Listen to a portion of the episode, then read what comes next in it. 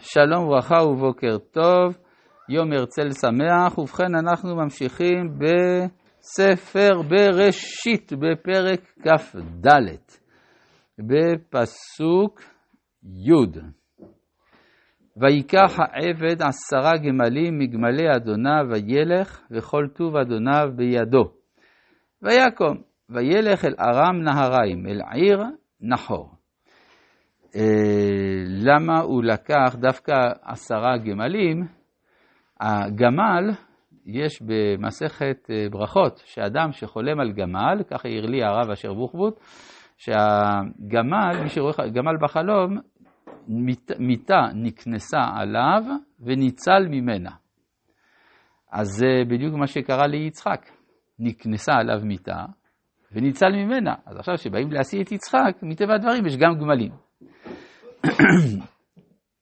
ומגיע אל ארם נהריים אל עיר נחור, בהמשך יתברר שעיר נחור אינה אלא חרן, כן? כשיעקב יוצא לבית לבן, אז הוא הולך לחרן. אז אם כן, עיר נחור זה או, או חרן ממש, או קרוב לחרן על כל פנים, וזה מתחבר, זה היה ראייה למה שדיברנו בזמנו, שמדוע תרח נעצר בחרן, כנראה הוא פגש שם את נחור, שאמר לו שלא כדאי להמשיך.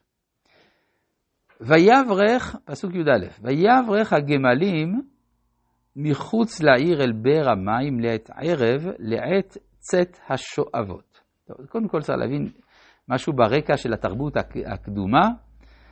אה, היו הולכים לשאוב לקראת הלילה. למה דווקא לקראת הלילה? כי בחושך אי אפשר לצאת. ביום חם. הזמן המתאים ביותר לשאיבת המים זה לקראת סוף היום. לעת ערב, לעת צאת השואבות, וזה קצת לפני השקיעה. כלומר, צריך להזדרז לפני שיהיה חושך. אה? כן, כן, זה גם שאיבת המים למצות, זה גם הזמן שבאמת שואבים אז, כי זה הכי קר. כן, אה, ויאמר, השם אלוהי אדוני אברהם, הקרנה לפניי היום, ועשה חסד עם אדוני אברהם. מה זה היום? אז זאת אומרת שיש לו בערך רבע שעה, עשרים דקות, כדי לגמור את כל הסיפור. כי אחר כך בלילה זה כבר לא אותו יום, והוא אומר, הקרנה לפניי היום. זה מסביר את כל מה שקורה בהמשך, ותמהר ותורד כדה מעליה, ותמהר ותיער כדה אל השוקת. המהירות היא מסודרת פה בהשגחה עליונה, שהדברים, כלומר כדי לענות לתפילתו של העבד, שזה ייעשה מהר, כדי שזה יהיה באותו יום עדיין. עכשיו הוא מבקש, עשה חסד עם אדוני אברהם, הנה אנוכי ניצב על עין המים ובנות אנשי העיר יוצאות לשאוב מים, והיה הנערה אשר אומר אליה עתינה חדך ואשתה, ואמרה שתה וגם גמליך אשקה, אותה הוכחת לעבדך ליצחק ובעדה כי עשית חסד עם אדוני. טוב. היה אפשר גם, לכאורה, להטיל מטבע, או לסובב סביבון.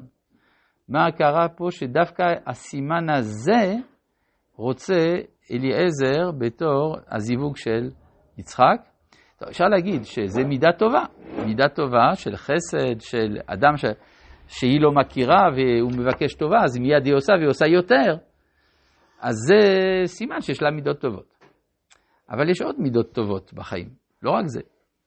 אלא נראה שהוא רוצה דווקא את מידת החסד ולא מידה אחרת. למה? כי יצחק הוא מידת הדין.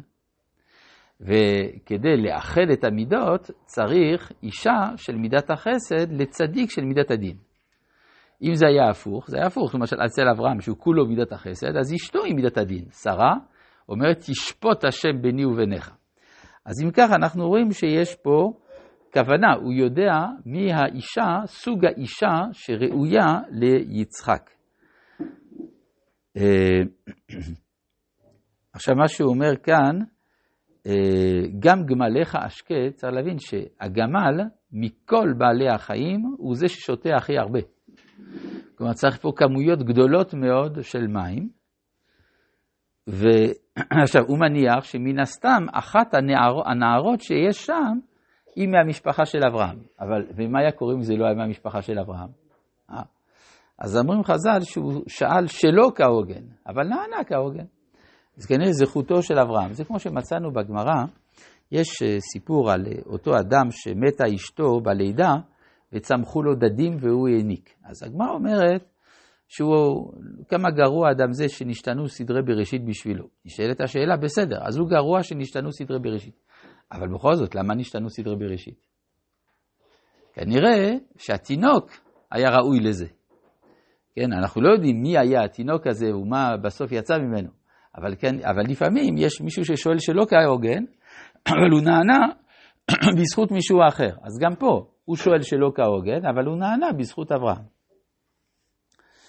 אה, הנה אנוכי ניצב עלינו, אה, ויהי הוא טרם קילה לדבר, והנה רבקה יוצאת, אשר יולדה לבתואל בן מילכה, אשת נחור אחי אברהם, וחדה על שכמה, והנערה טובת מראה מאוד, בתולה ואיש לא ידעה, ותרד עיינה ותמלא חדה ותעל. טוב, זה יש כאן רמזים למנהגי אנשי אותו המקום וה, אה, והשחיתות המינית שלהם, אם צריך לציין שהנערה גם בתולה וגם איש לא ידעה, סימן שהמנהגים שם לא משהו, והיא משהו מיוחד בתוך הרקע הזה.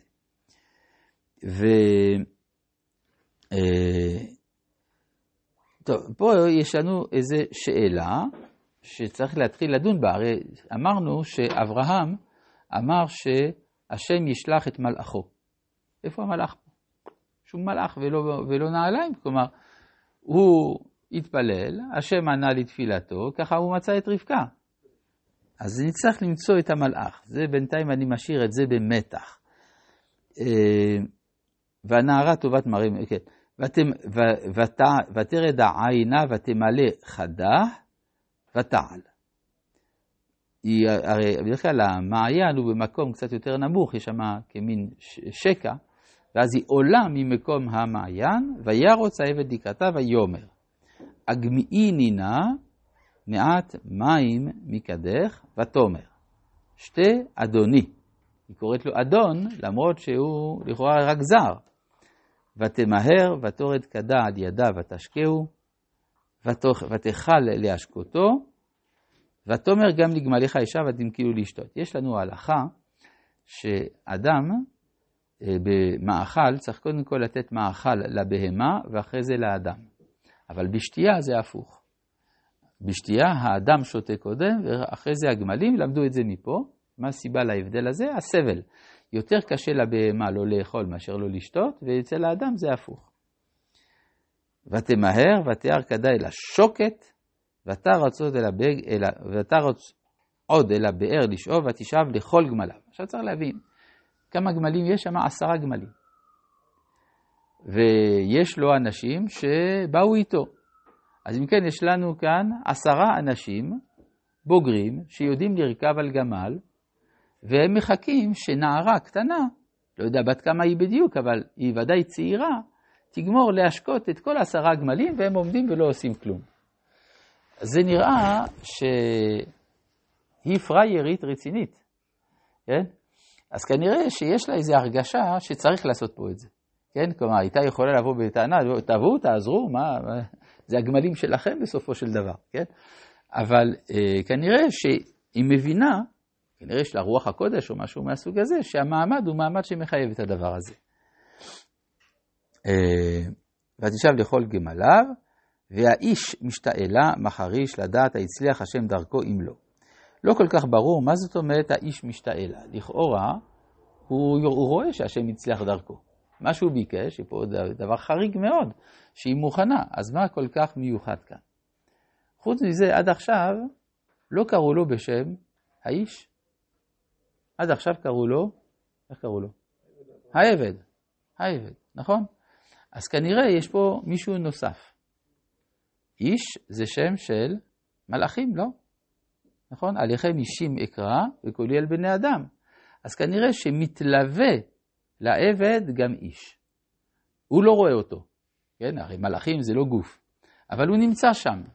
ואז האיש משתהה גם הוא בשליחות.